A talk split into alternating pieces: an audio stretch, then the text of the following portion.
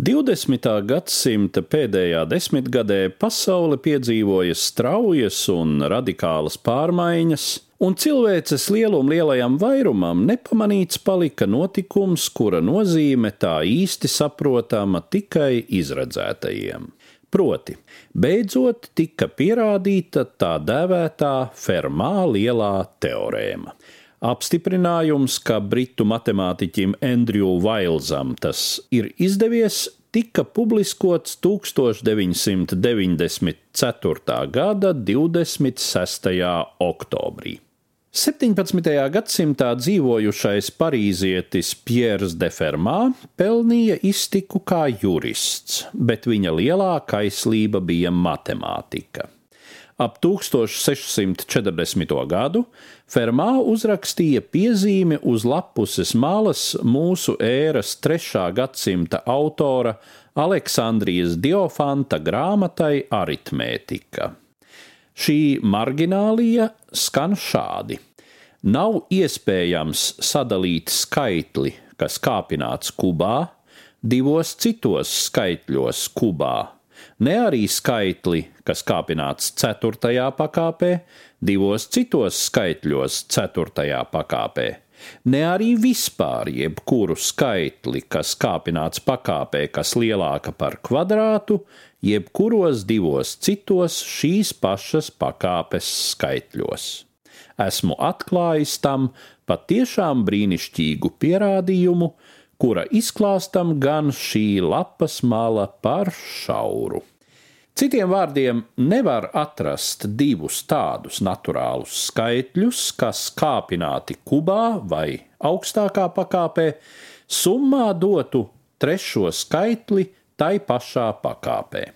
Visi mēģinājumi ar konkrētiem skaitļiem apliecināja teorēmas pareizību, bet tas jau vēl nav pierādījums visiem gadījumiem kuru ir vārda tiešā nozīmē bezgalīgi daudz.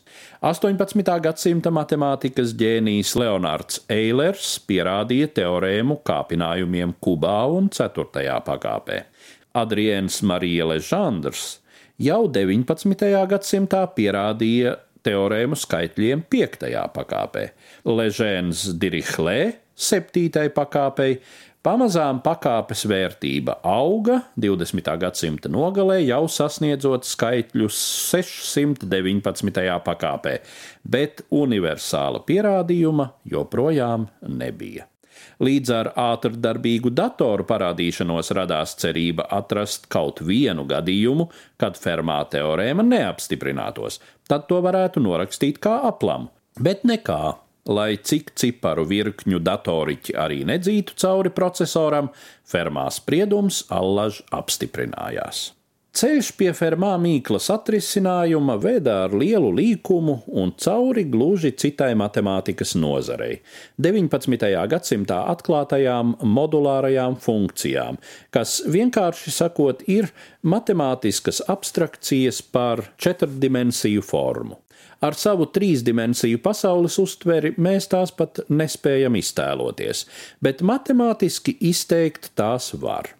1955. gadā 28 gadus vecais japāņu matemātiķis Jutaka Tanijama izvirzīja teoriju, kas saistīja modulārās formas ar citu matemātisku kategoriju - eliptiskajām līknēm. Vairumam laika biedru Tanijāmas hipotēze šķita absurda, jo eliptiskās līknes ir divdimensiju objekti. Trīs gadus pēc hipotēzes publiskošanas jaunais zinātnieks beidza dzīvi pašnāvībā.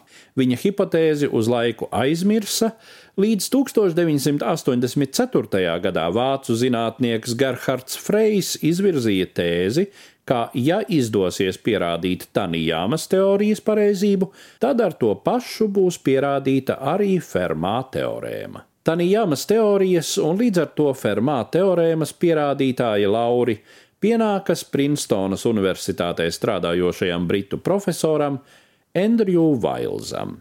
Galīgais pierādījuma teksts aizņem 130 lapuses, un pēc speciālistu atzinuma vēl pirms simt gadiem ik katrs matemātikas profesors tajā maz ko saprastu. Stāstīja Eduards Liniņš.